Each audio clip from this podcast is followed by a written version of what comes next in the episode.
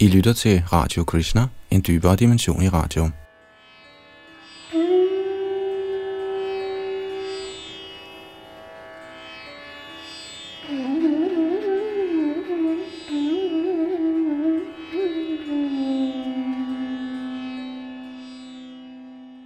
Vi fortsætter vores gennemgang af Srimad Bhagavatam, og der er vi i gang med 10. bog, og i dag skal vi starte på kapitel 89, der hedder Krishna og Arjuna redder en Brahmins sønner. Bag mikrofonen og teknikken sidder Yadunandan Das.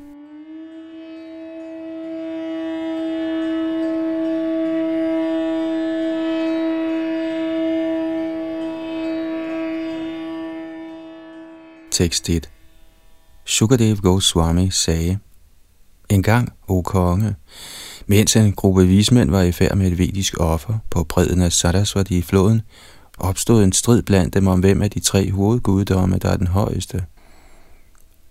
Kommentar. De tre hovedguddomme, omtalt her, er Vishnu, Brahma og Shiva.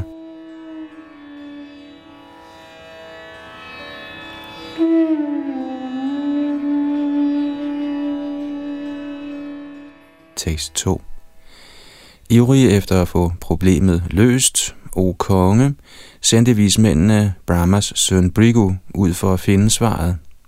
Først besøgte han sin fars hof. Kommentar. Som Shalila Prabhupada forklarer i Krishna kilden til glæde, citat, Vismændens plan var, at Brigu skulle undersøge, hvilken af de førende guddomme, der besad godhedens kvalitet til fulde. Citat slut. Den, som er i godhedens fremtrædelsesform, besidder kvaliteter som tolerance og ligevægt, hvorimod de, som styres af lidenskab og uvidenhed, er tilbøjelige til let at miste besindelsen.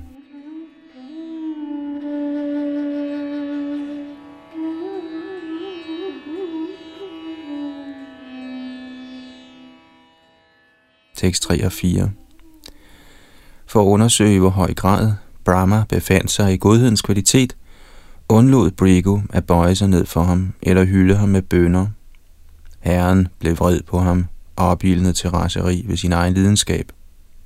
Skønt vrede mod hans egen søn nu steg op i hans hjerte, var herren Brahma i stand til at undertrykke den med sin intelligens på samme måde som ild slukkes med sit eget produkt, vand. Kommentar. Herren Brahma bliver under tiden påvirket af sin forbindelse til lidenskabens kvalitet – men fordi han er Adi Kavi, den første fødte og forreste lærte i universet, kan han, når vreden begynder at forstyrre hans sind, styre den ved hjælp af analyserende selvjagtagelse. I dette tilfælde mindede han sig selv om, at Brigu var hans søn. Således drager Sukadev Goswami i dette vers den analogi, at Brahmas egen udvidelse, altså hans søn, tjente til at slukke hans vrede, ligesom vand, der oprindeligt udviklede sig fra urskabelsens ildelement, slukker ild.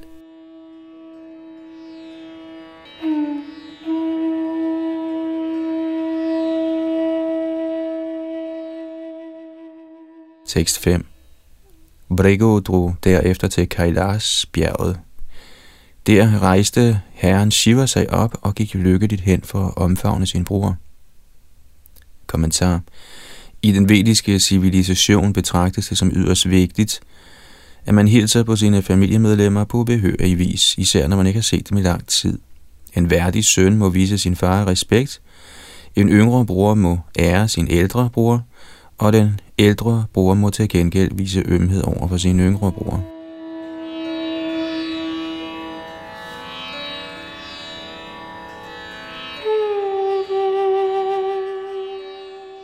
Tekst 6 og 7. Men Brigo afviste hans omfavnelse og sagde, Du er en afvigende kætter. Derved blev herren Shiva rasende, og hans øjne brændte som ild. Han hævede sin træfork og skulle til at dræbe Brigo. Da gudinden Devi faldt for hans fødder og sagde nogle ord for at berolige ham. Brigo forlod der stedet og begav sig til Vaikuntha, hvor herren Janardhan residerer. Kommentar i Krishna, kilden til alt glæde, skriver Srila Prabhupada, og jeg citerer, Det siges, at en forseelse kan begås enten med kroppen, sindet eller talen. Brigumunis første forseelse, begået mod herren Brahma, var en forseelse i sindet. Hans anden forseelse begået mod Shiva, ved håndelig at kritisere hans urene vaner, var en forseelse med talen. Fordi uvidenhedens kvalitet er fremherskende i Shiva, blev hans øjne, da han hørte Brigus fornærmelse, øjeblikkeligt røde af vrede. I ubehersket raseri havede han sin træfork og skulle til at dræbe Brigumuni. På det tidspunkt var Shivas hustru, Parvati, til stede. Hendes personlighed er ligesom Shivas en blanding af de tre kvaliteter, og derfor kaldes hun Triguna Maji. I dette tilfælde redde hun situationen ved at påkalde Shivas kvalitet af godhed. Citat slut. Srila Jiva Goswami bemærker, at den her omtalte Vaikuntha-planet er Svetadvip.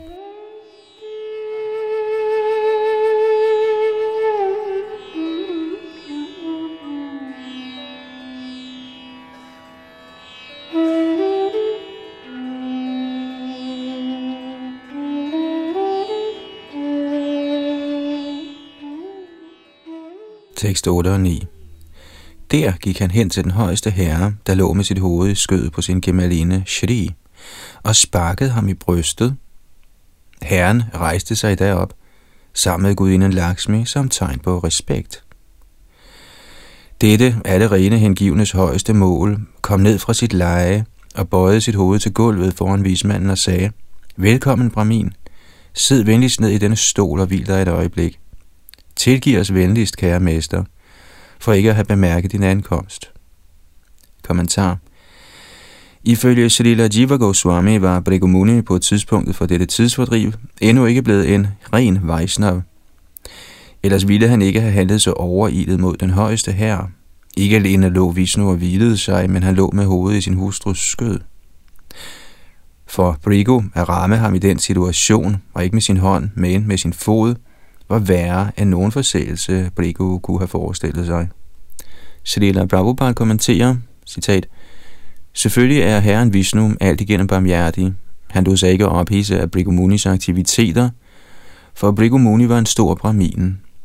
En brahmin skal tilgives, selvom man måtte begå en forseelse, og Vishnu viser eksemplet. Dog siges det, at lykkegudinden Lakshmi efter denne episode ikke har været velvilligt indstillet over for braminerne, og derfor, siden lykkegudinden tilbageholder sine velsignelser fra dem, er braminerne som regel meget fattige. Citat slut.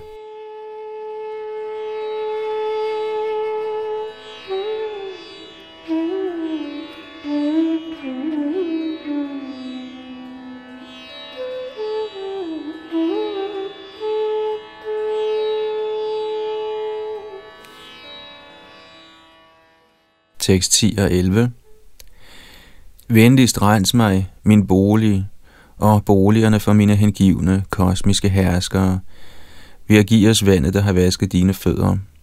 Dette hellige vand er faktisk det, som gør alle pilgrimsteder hellige. I dag, min herre, er jeg blevet det eneste ly for lykkegudinden Lakshmi. Hun vil indvillige i at residere på mit bryst, fordi din fod har befriet det for synd. Kommentar Srila Prabhupada siger fortsat i sine kommentarer, og jeg citerer, Kaliugs såkaldte braminer er under tiden meget stolte over, at den mægtige bramin som Brigumuni kunne berøre Vishnus bryst med sin fod. Men faktisk var det den største forseelse, da Brigumuni sparkede Vishnus bryst, selvom Vishnu, fordi han er meget storsindet, ikke tog det særlig alvorligt. Citat slut. Nogle udgaver af Srimad Bhagavatam indeholder det følgende vers mellem tekst 11 og 12, og Srila Prabhupada tager det også med i Krishna, kilden til alt glæde, der er hans opsummering af 10. bog.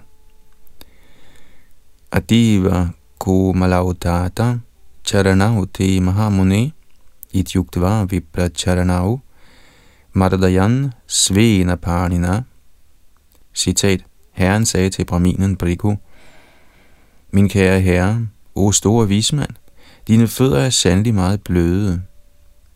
Efter at have sagt det, gav herren Vishnu sig til at massere Brahminens fødder med sine egne hænder. Citat slut.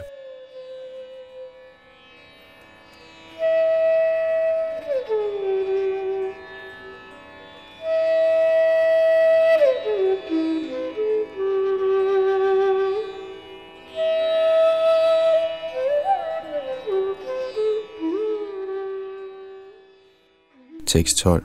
Sukadev Goswami sagde, Brigu følte sig tilfreds og lykkelig over at høre de højtidlige ord, herren var i kun der talte. Overvældet af hengiven ekstase forblev han tavs, og hans øjne overstrømmedes af tårer. Kommentar Brigu var ude af stand til at lovprise herren, fordi hans hals kvaltes af ekstasens gråd. Efter Srila Vishwanath Chakravartis mening kunne vismanden ikke bebrejdes for sin skændige opførsel, siden hans rolle i dette transcendentale tidsfordriv var arrangeret af guddommens person.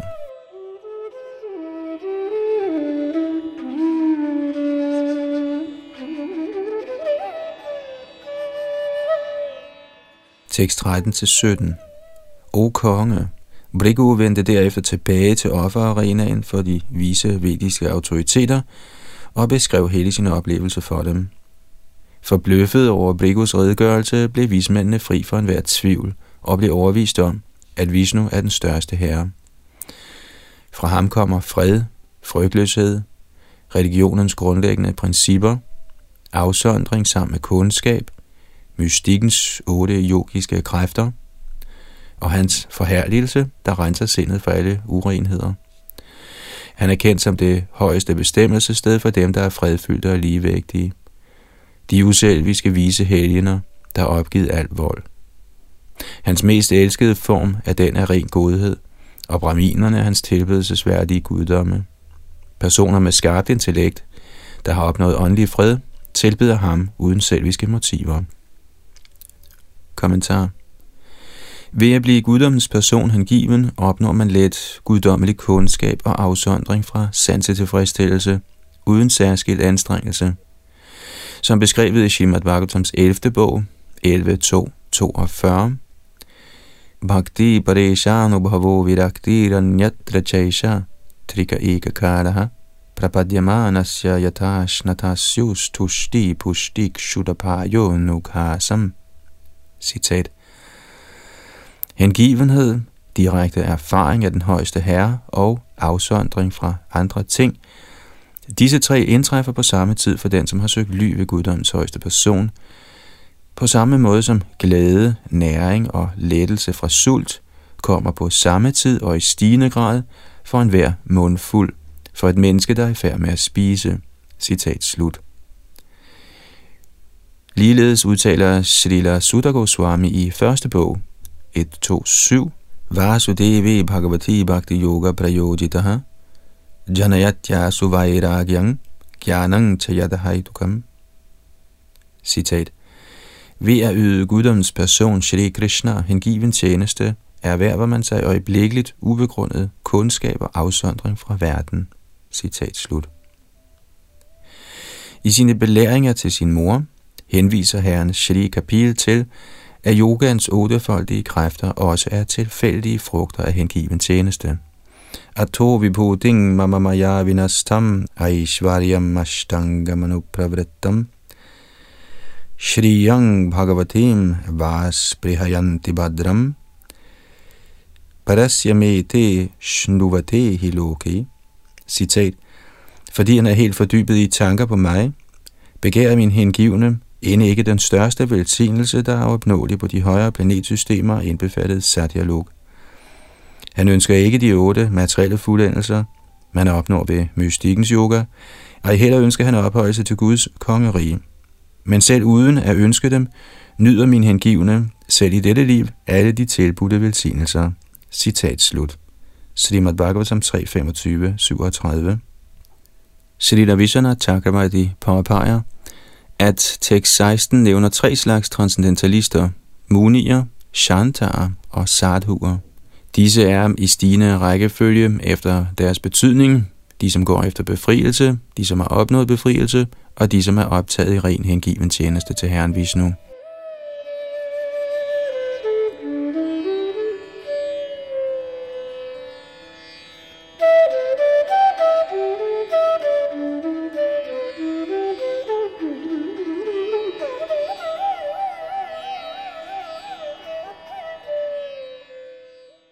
Tekst 18. Herren udvider sig til tre slags synlige væsener, rakshasar, dæmoner og halvguder, der alle bliver skabt af Herrens materielle energi og betinget af hendes fremtrædelsesformer. Men af disse tre fremtrædelsesformer er det godhedens kvalitet, der er middel til at nå livets endelige succes. Kommentar I Krishna, kilden til alt glæde, skriver Srila Prabhupada, citat, Der er tre slags mennesker til stede i naturens tre kvaliteter. De, som er i uvidenhedens kvalitet, kaldes rakshasar. De, som er i lidenskabens kvalitet, kaldes asuraer, eller dæmoner. Og de, som er i godhedens kvalitet, kaldes suraer, eller halvguder. Under ledelse af den højeste herre skabes disse tre menneskeklasser af den materielle natur, men de, som er i godhedens kvalitet, har større chance for at blive hævet til den åndelige verden og vende hjem til guddommen. Citat slut.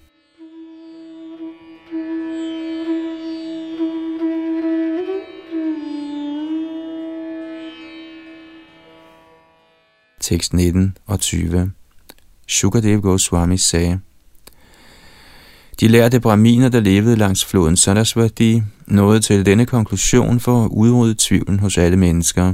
Derefter ydede de den højeste herres fødder hengiven tjeneste og opnåede hans bolig.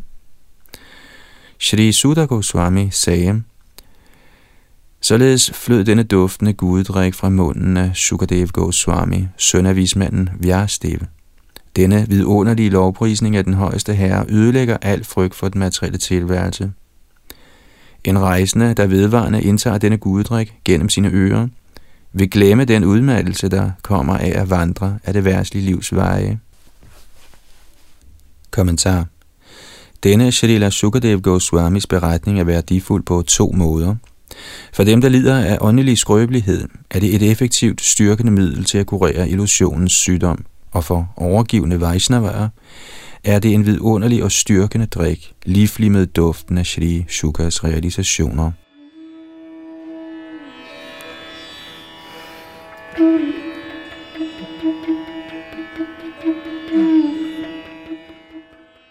Tekst 21 Shukadev Goswami sagde, En gang i Dvaraka fødte hustruen til en braminens søn, men det nyfødte spædbarn døde, så snart han rørte ved jorden, O Bharat. Kommentar. I dette kapitel er Herren Vishnu blevet lovprist som den højeste guddom. Nu vil Sukadev Goswami identificere Herren Krishna med denne samme person i guddommen, ved at beskrive et andet af hans tidsfordriv, der belyser hans uovertrufne guddommelige særpræg.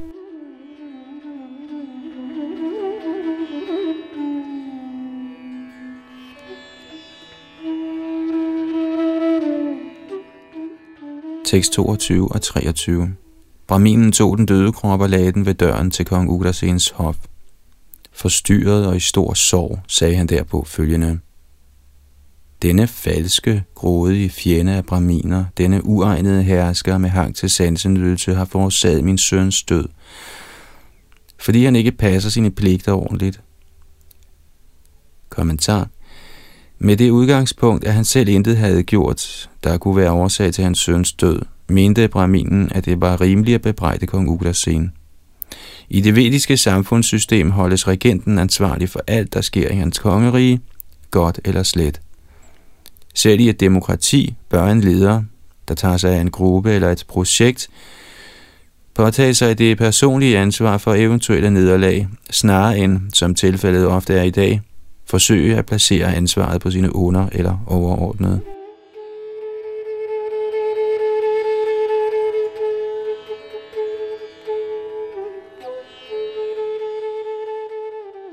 Tekst 24-29 Borgere, der tjener en sådan ondsindet konge, der finder nydelse i vold, og som ikke kan styre sine sanser, er dømt til at lide fattigdom og konstant elendighed. Den vise Brahmin oplevede samme tragedie med sit andet og tredje barn. Hver gang efterlod han kroppen af sin døde søn ved kongens dør og sang den samme klagesang. Da det niende barn døde, hørte Arjun, der var tæt på herren Keshav, tilfældigvis Brahminen klage sig. Således tiltalte Arjun Brahminen. Hvad er der i vejen, kære Brahmin? Er der ikke et eller andet ydmygt medlem af den kongelige orden her, der i det mindste kan stå foran dit hus med en bue i sin hånd. Disse kshatriyer opfører sig som var de braminer, der på ligegyldig vis udfører ildoffre. Herskerne i et kongerige, i hvilket braminer sørger over mistet velstand, hustruer og børn, er blot bedragere. der spiller rollen som konger, kun for at tjene til livets ophold. Min herre, jeg vil beskytte dit og din hustrus afkom i stakkels plagede mennesker. Og skulle jeg mislykkes med at overholde dette løfte, ved at træde ind i ilden for at udzone min synd. Kommentar Tabre Arjun kunne ikke udholde skammen ved ikke at kunne indfri sit løfte.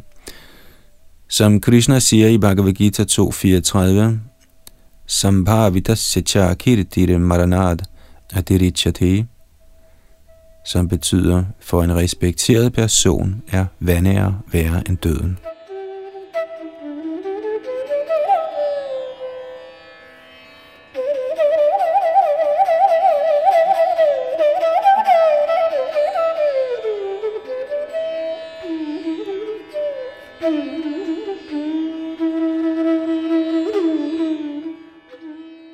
30-36. Brahminen sagde, hverken Sankarshan, Vasudev, Pradyumna, den bedste af bueskytter, eller den uovertrufne kriger Aniruddha kunne frelse mine sønner.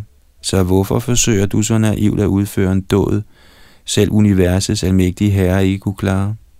Vi kan ikke tage dig alvorligt. Shri Arjuna sagde, jeg er hverken herren Sankarshan, Ubramin eller herren Krishna, eller sågar Krishnas søn. Nej, jeg er Arjun, der bærer buen Gandiva. Undervurder ikke mine evner, der var gode nok til at stille Shiva tilfreds, o Brahmin. Jeg vil hente dine sønner tilbage, kære mester, om jeg så skal besejre selve døden i kamp. Således overtalt af Arjun, Udo fjendens plageånd, gik Brahminen hjem, tilfreds med Arjuns erklæring om sin taberhed. Da hustruen til den ophøjede Brahmin igen skulle til at føde, opsøgte han Arjuna i stor ængstelse og tryllede ham, beskyt venligst mit barn fra døden. Efter at have berørt rent vand, vist herren Maheshwar erbødighed og huskede mantraerne til sine himmelske våben, satte Arjuna strengen på sin bue Gandiva. Kommentar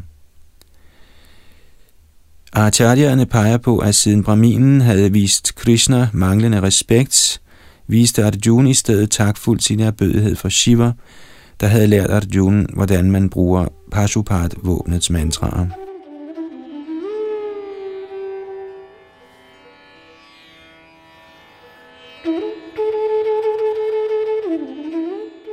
Tekst 37 til 44 Arjun indhegnede huset, hvor fødslen fandt sted, ved at affyre pile, der var bundet til forskellige missiler. Således byggede Pritas søn et beskyttende bur af pile, der dækkede huset ovenfra, nedenfra og fra siderne. Braminens hustru fødte så, men da det nyfødte spædbarn havde grædt et kort øjeblik, forsvandt det pludselig op i luften i selv samme krop. Braminen spottede da Arjuna foran Krishna. Se blot, hvor tåbeligt det var af mig at sætte min lid til en eunuks praleri. Når hverken Pradyumna, Aniruddha, Rama eller Keshav kan frelse et menneske, hvem kan da på nogen måde beskytte ham? Af helvede til med den løgnagtige Arjuna. Af helvede til med pralhalsens bue. Han er så tåbelig, han har nejet sig selv til at tro, at han kan bringe et menneske tilbage, som skæbnen har ført bort. Mens den vise Brahmin således slyngede fornærmelser over ham, gjorde June brug af en mystisk besværgelse, der straks bragte ham til Sangyamani, den himmelske by, hvor herren Yamaraj bor. Da han ikke kunne finde Brahminens barn der, tog Arjuna til byerne tilhørende Agni, Niriti, Soma, Vayu og Varuna. Med havet og våben gennemsøgte han alle områder i universet, fra bunden af den underjordiske region til himlens tag, til sidst, da han ikke kunne finde Brahminens søn nogen steder, besluttede Arjuna at træde ind i den hellige ild, fordi han havde svigtet sit løfte. Men netop da han skulle til at gøre det, stoppede Krishna ham og sagde følgende ord. Kommentar. Srila Vishana Chakravarti kommenterer, at Arjuna stolede ubetinget på herren Shiva som sin guru, og således mente han ikke, at han behøvede at lede i Shivas himmelske bolig.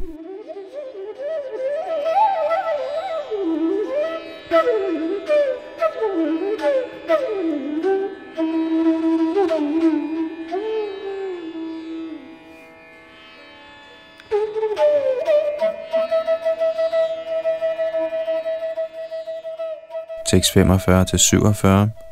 Herren Krishna sagde, Jeg vil vise dig Brahminens sønner, så foragt venligst ikke dig selv på den måde. Disse samme mænd, der nu kritiserer os, vil snart stadfæste vores pletfri berømmelse. Da han således havde instrueret Arjuna, bad guddoms højeste person Arjuna om at komme op i hans guddommelige stridsvogn, og sammen begav de sig afsted vestpå.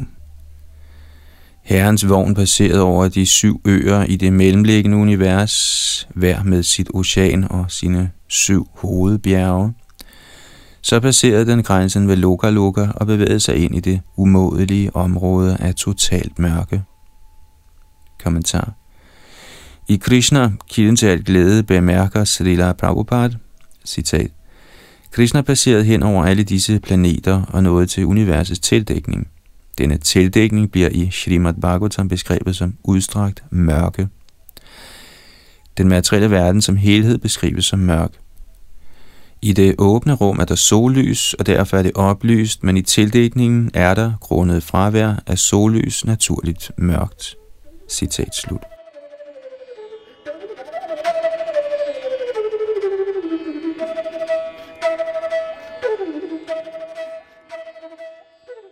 Tekst 48 og 49. I dette mørke mistede vognens heste, Shaibya, Sugriv, Meghapushpa og Balahaka, orienteringen. Da han så dem i den tilstand, o du bedste af Balatar, sendte herren Krishna, den højeste mester over alle yogamestre, sin Sudarshan diskus ud foran vognen. Den diskus skinnede som tusinder af sole. Kommentar Shrita Vishwanath Chakravarti giver følgende indblik i dette vers. Herren Krishnas heste var nedstedet fra Vaikuntha for at tage del i hans jordiske tidsfordriv. Siden herren selv lod som om han var et begrænset menneske, opførte hans ganger sig nu forvirret for at forstærke situationens drama for alle dem, der en dag vil komme til at høre dette tidsfordriv.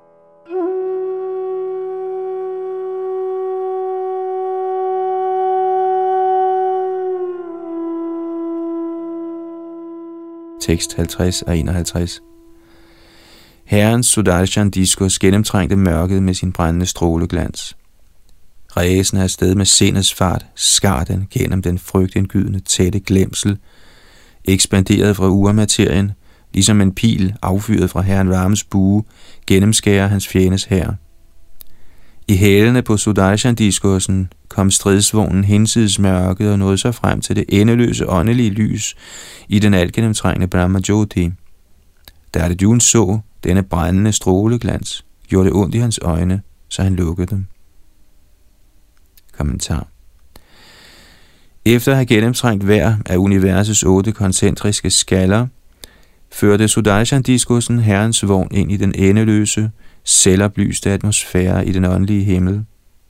Denne herren Krishnas og Arjuns rejse til Vaikuntha bliver også fortalt i Shri Harivangs, hvor herren citeres for at fortælle sin ledsager.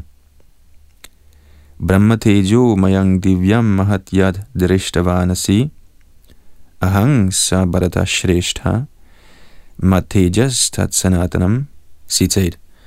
Den guddommelige udbredelse af Brahman-stråler, du har set, er intet andet end mig selv, o du bedste af Bharatar. Den er min egen evige stråleglans. Citat slut. Prakriti samama para vyakta vyakta sanatani tang pravishya bhavandiha mukta yoga viduttamaha. Citat. Den udgør min evige åndelige energi, både manifesteret og umanifesteret. De forreste yogaeksperter i denne verden træder ind i den og bliver befriet. Citat slut. Sasankyanang gati padata yoginang cha tapasvinam parang paramang brahma saravang vibhajate jagat mamaiva tad ghanang tejo gyatum arhasi bharata. Citat. Den er det højeste mål for tilhængerne af Sankhya, o Parata, såvel som for yogier og asketer. Den er den højeste absolute sandhed, der manifesterer mangfoldigheden i hele det skabte kosmos. Du skal forstå denne Brahma Jyoti, Bharat, som min koncentrerede personlige udstråling. Citat slut.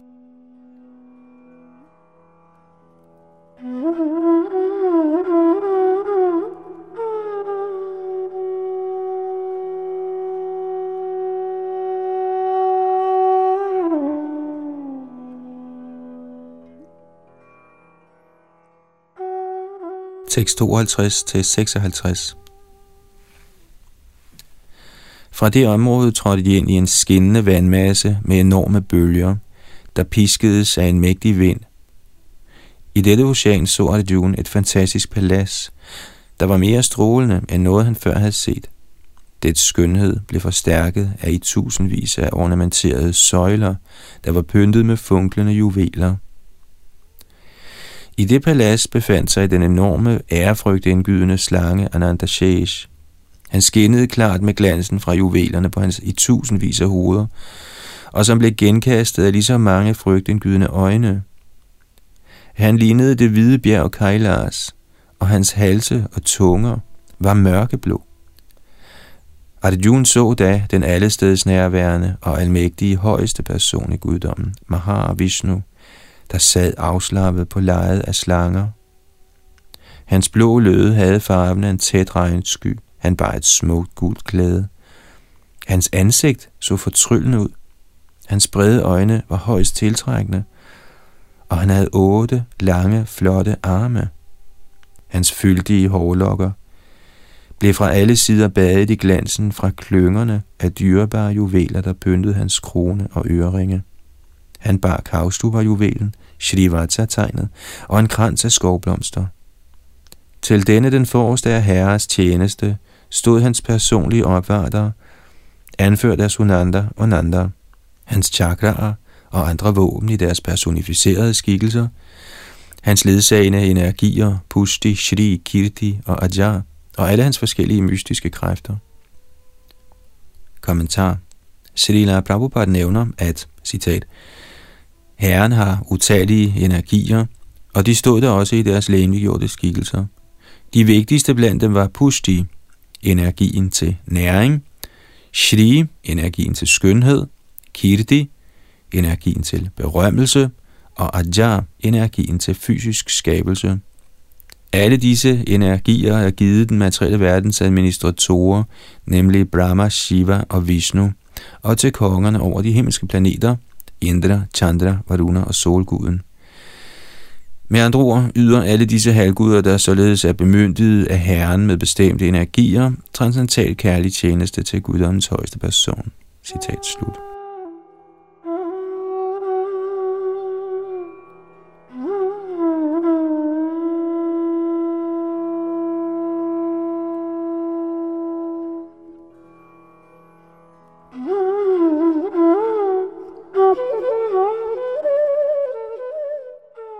Tekst 57. Herren Krishna viste hyldest til sig selv i denne grænseløse skikkelse, og Arjuna, der var forbavset ved synet af herren Mahavishnu, bøjede sig ligeledes. Så, mens de to stod foran ham med foldede hænder, smilte den almægtige Mahavishnu, den højeste mester over alle universets herskere, og talte til dem med en stemme, der var fuld af højtidlig autoritet.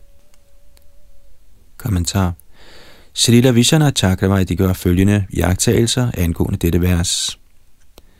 Ligesom Krishna viste erbødighed for sin egen gudeskikkelse under tilbydelsen af Govardhanhøjen, viste han ligeledes sine Vishnu-ekspansioner hyldest i den hensigt at udspille sine tidsfordriv.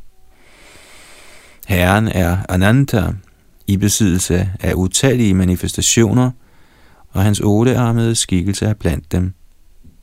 Han er Achuta, aldrig faldende fra sin stilling, i den forstand, at han aldrig ophører med sine menneskelignende tidsfordriv, som rygterdreng i Vrindavan.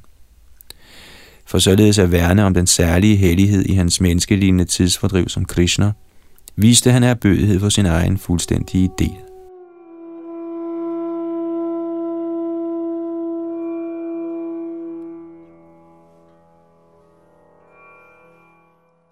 Herren Mahavishnu viste sig for Krishna og Arjuna som Bhuma, den i højeste grad velstående person, og som Parameshtinang Prabhu, herren over utallige brahmaer, der hersker over millioner af universer.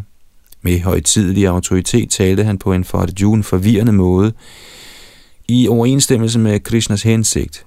Hans smil antydede hans private tanker, som Shrita Vishana Chakravarti har afsløret til vores fordel. Og jeg citerer, Kære Krishna, efter dit ønske vil jeg beskrive min almagt. Skønt jeg er din udvidelse. Men samtidig vil jeg sublimt i mine udtalelser antyde din skønheds, karakteres og magts uovertrufne position, samt den kendskærning, at du er den kilde, jeg udstråler fra. Se blot, hvor behendig jeg er. Foran Arjuna røber jeg min sande identitet, som ikke forskellig fra dig. Citat slut.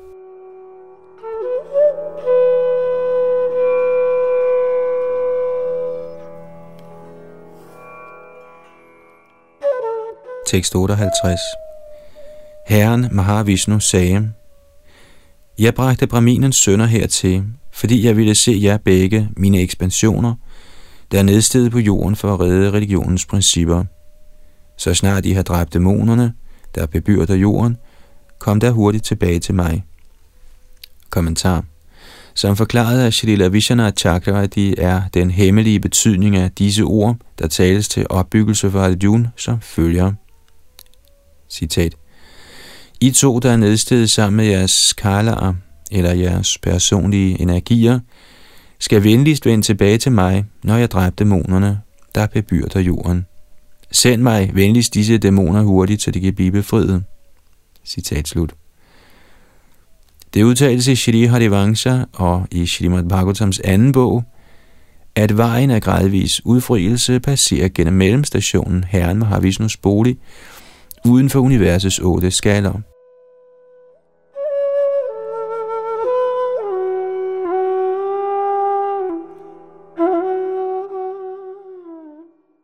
Tekst 59-62 Selvom alle jeres ønsker til fulde er gået i opfyldelse, o i bedste af fornemme personligheder, skal I til fordel for mennesker i almindelighed blive ved med at eksemplificere religiøs adfærd som vismændene Nada og Narayan.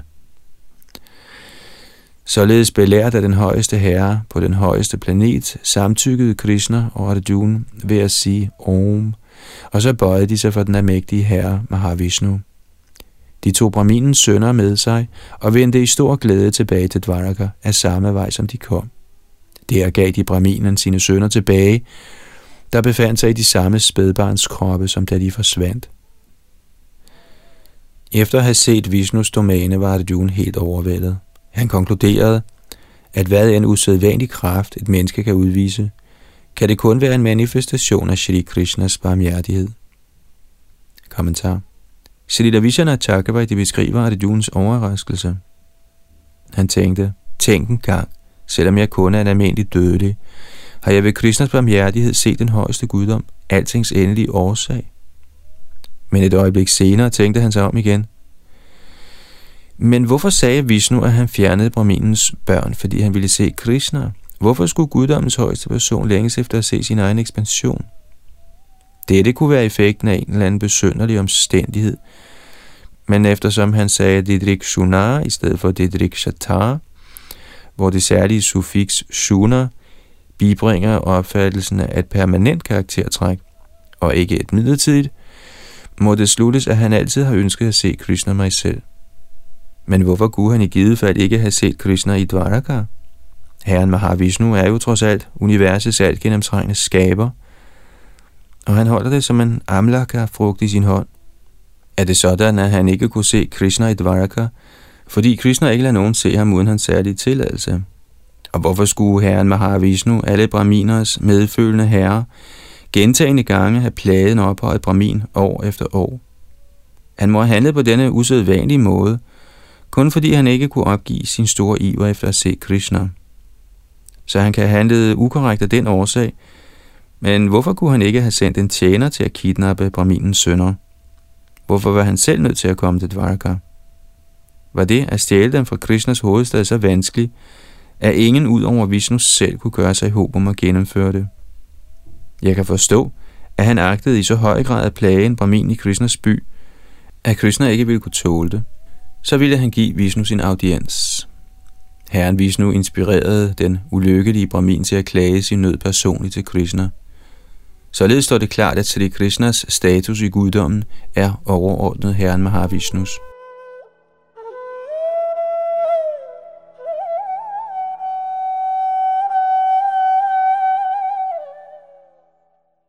Efter at have tænkt således, var det June helt forbløffet.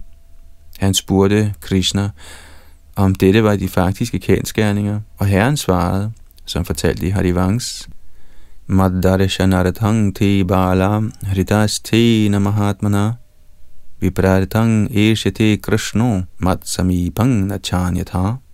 Citat. De var for at se mig, at han, den højeste sjæl, stjal børnene.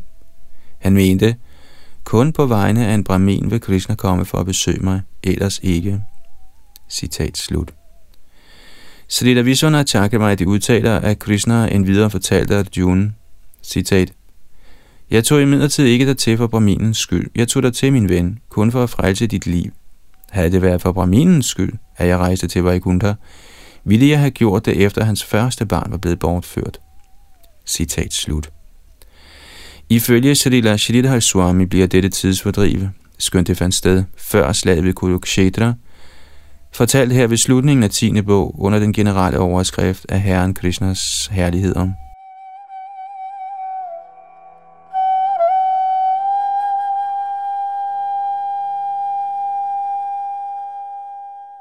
Tekst 63-65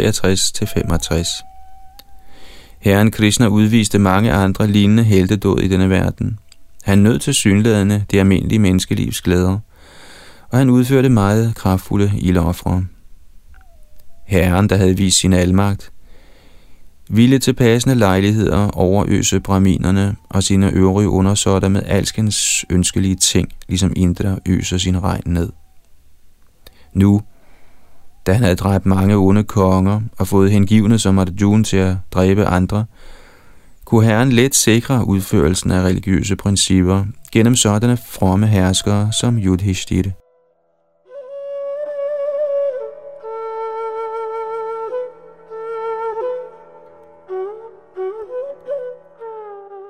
Således ender kommentarerne fra hans guddommelige nåde, A.C. Bhaktivedanta Swami Prabhupads ydmyge tjenere, til Srimad Bhagavatams 10. bogs 89. 20. kapitel med titlen Krishna og Arjuna redder en brahmins sønder.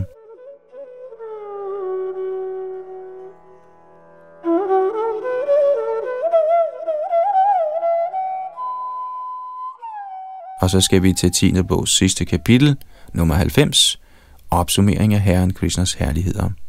Tekst 1-7. Sukadev Goswami sagde, Lykkegudindens herre levede lykkeligt i sin hovedstad, Dvaraka, der var udstyret med en vær overdådighed og befolket af de mest fremtrædende vrishnier og deres pragtfuldt klædte hustruer. Når disse smukke kvinder i deres blomstrende ungdom plejede at lege på tagene af byens huse med bolde og andet legetøj, skinnede de som funklende lyn. Byens hovedgade var altid fyldt af berusede elefanter, der afgav matter, og også med kavaleri, rigt dekorerede infanterister, og soldater på stridsvogne, der var strålende pyntet med guld.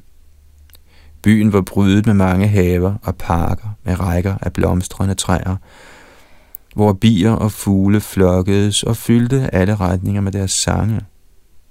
Herren Krishna var den eneste elskede for hans 16.000 dronninger. Han udvidede sig i mange skikkelser og morede sig med hver af sine dronninger i hendes egen overdådigt møblerede residens. I paladsernes haver lå der gennemsigtige damme, der duftede af pollen fra blomstrende udparler, kalada, kumuder og ambodia lotus, og var fyldt med flokke af kvidrende fugle. Den almægtige herre plejede at gå ud i disse søer, og også i forskellige floder og morer sig i vandet, mens hans hustruer omfavnede ham, så det røde kunkum fra deres bryster blev smurt over hans læme.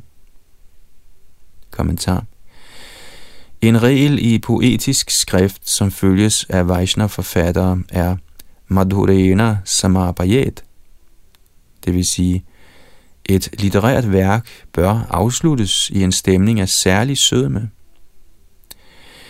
Srila Sukadev Goswami, den mest smagsfulde taler over transcendentale emner, har således i dette Srimad Bhagavatams 10. bogs sidste kapitel inkluderet en beskrivelse af Krishnas vandleje i Dvarakas skønne omgivelser, efterfulgt af herrens dronningers henrygte bønder.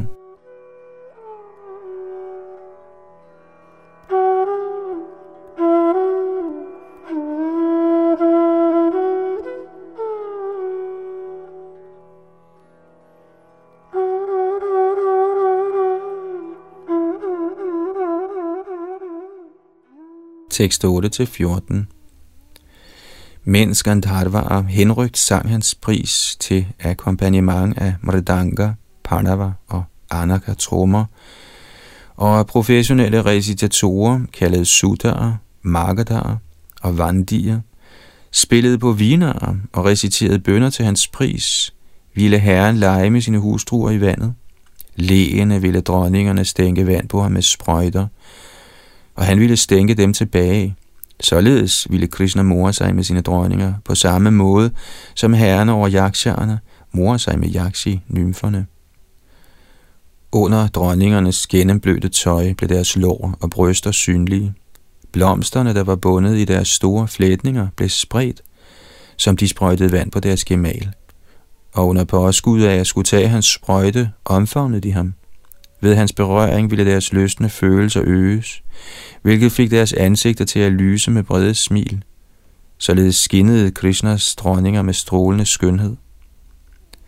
Herren Krishnas blomsterkrans blev smurt med kumkum fra deres bryster, og hans fyldige hårlokker blev pjuskede som følge af hans opslugthed i lejen. Som herren gentagende gange stænkede sine ledsagerinder, og de stænkede ham til gengæld, morede han sig, som elefanternes konge morer sig i selskab med sin flok hundelefanter. Bagefter plejede Krishna og hans hustruer at give de smykker og klæder, de havde haft på under deres vandleje, til de mandlige og kvindelige artister, der levede af at synge og spille instrumental musik. På den måde ville Krishna lege med sine dronninger og helt fortrylle deres hjerter med sine bevægelser, ord, blikke og smil, og også med sine vidigheder, lejende udvekslinger og omfavnelser. Dronningerne ville blive lammet i henrygt trance med deres sind helt opslugt i Krishna, så mens de tænkte på deres lotusøjede herre, ville de tale, som var de gale. Hør venligst disse ord fra mig, som jeg fortæller dem. Kommentar Srila Vishana Chakravarti Thakur forklarer, at denne overfladiske manifestation af galskab i Krishnas dronninger, som om de var påvirket af dhatura eller et andet hallucinogen stof, var i virkeligheden en manifestation af det sjette stadie i fremadskridende ren kærlighed til guddommen, teknisk kendt som Prema Vaichitriya. Srila Rupa Goswami henviser til denne type anurag i sin Ujjvala Nilamani 15.134. Priyasya Sanikarshepi Premodkarsha Svabhavataha Ya Vishlesha Dhyartistat Prema Vaichitriam Uchate. Citat. Når man som et naturligt biprodukt af ens ekstreme kærlighed føler adskillelsens smerte selv i den elskedes direkte nærvær, kaldes den tilstand Prema Vaichitriya. Citat slut.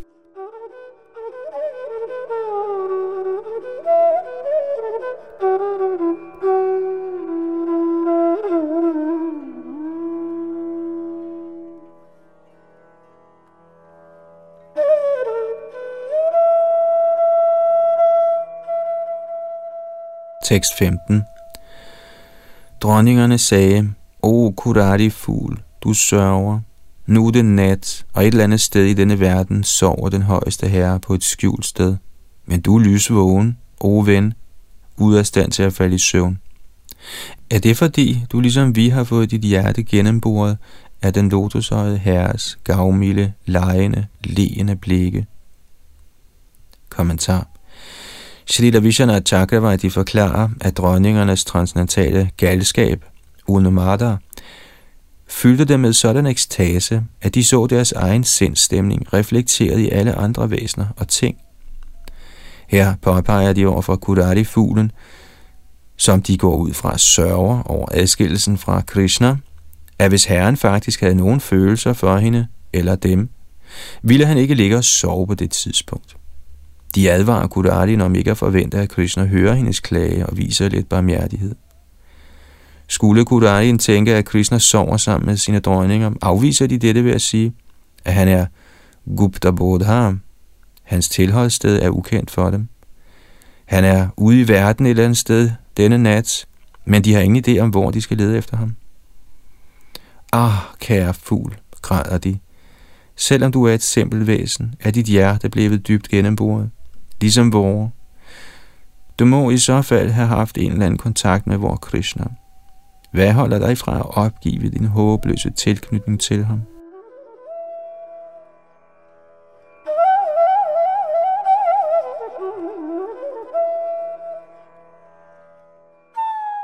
Tekst 16 Stakkels Chakravaki. Selv efter du har lukket dine øjne, bliver du ved med at græde ynkeligt hele natten efter din usete mage.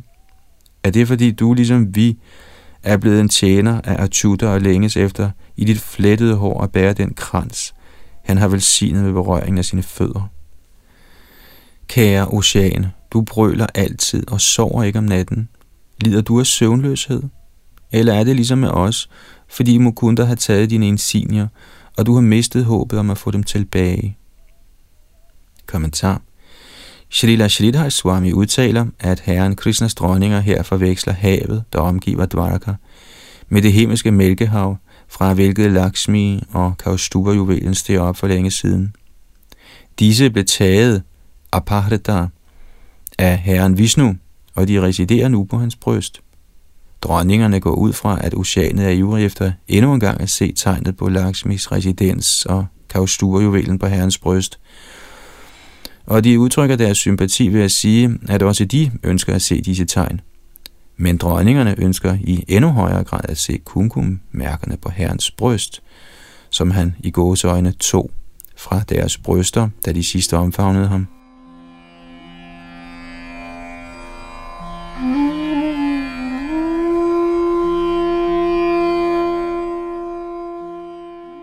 Tekst 18 Kære måne, fordi du har pådraget dig et alvorligt tilfælde af tuberkulose, er du blevet så mager, at du ikke kan sprede mørket med dine stråler?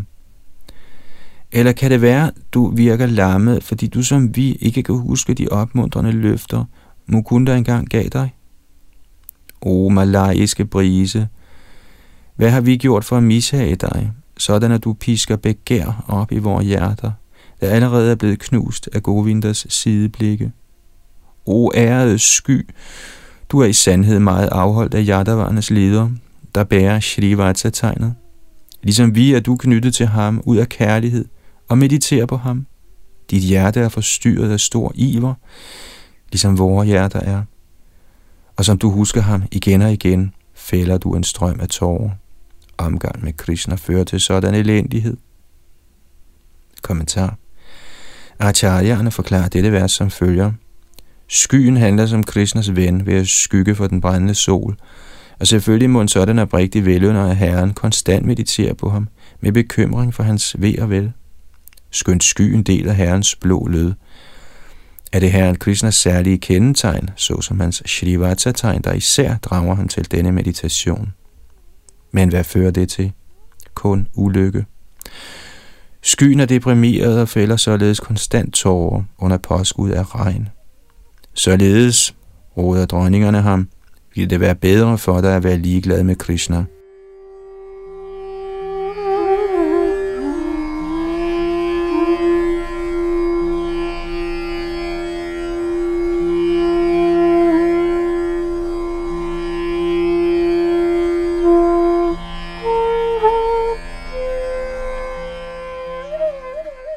Tekst 21 O livligt syngende gø, med en stemme, der kunne vække de døde, frembringer du de samme lyde, som vi engang hørte fra vor elskede, den mest behagelige af talere. Fortæl mig venligst, hvad jeg i dag kan gøre for at glæde dig. Kommentar.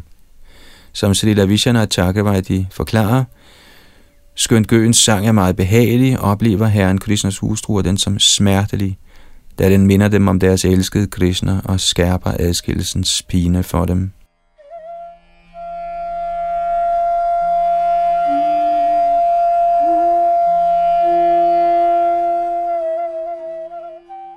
Tekst 22. O storsindede bjerg, du hverken taler eller bevæger dig.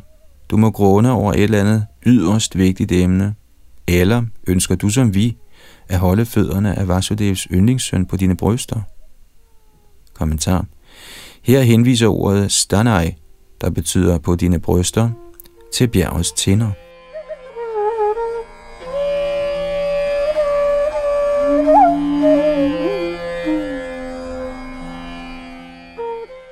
Tekst 23. O floder, oceanets hustruer, jeres stamme er nu udtørret. Ak, I er skrumpet til ingenting, og jeres rigdom af lotusblomster er forsvundet. Er I da som vi, der visner bort, fordi vi ikke får nogen kærlige blikke fra vor ægte mand, Herren over Madhu, der har snydt vores hjerter? Kommentar Om sommeren modtager floderne ingen styrtregn fra deres ægtemand oceanet via skyerne. Men den virkelige grund til flodernes udtørring, så som dronningerne ser det, er, at de ikke har modtaget det kærlige blik fra Herren Krishna, at lykkes reservoir.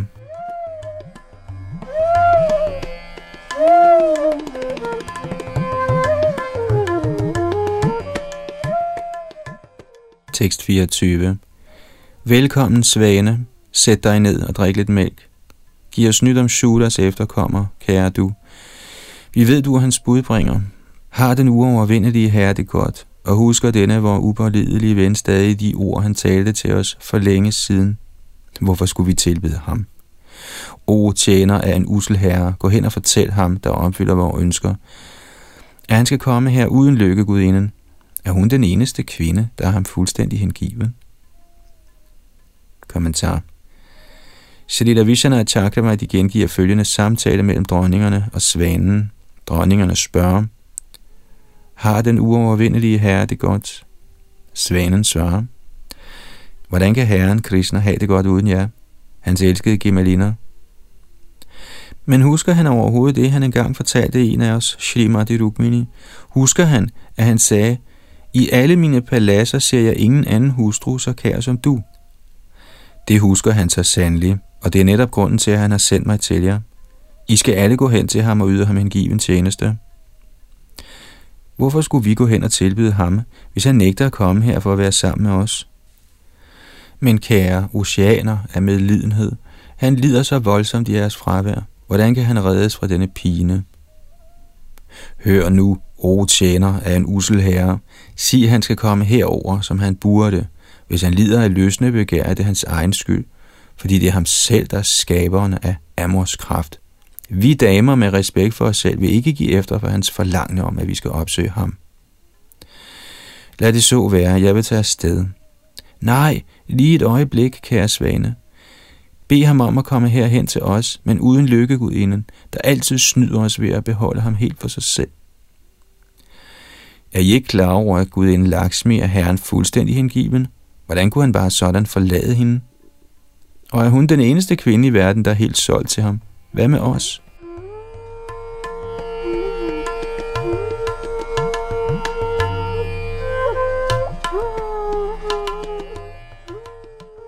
Desværre løber tiden fra os. Vi bliver nødt til at stoppe her, men fortsætter med denne nektarstrøm næste gang her i Srimad Bhagavatams 10. bogs 90. 20. kapitel. Bag mikrofon og teknik sad Yadunandan Das.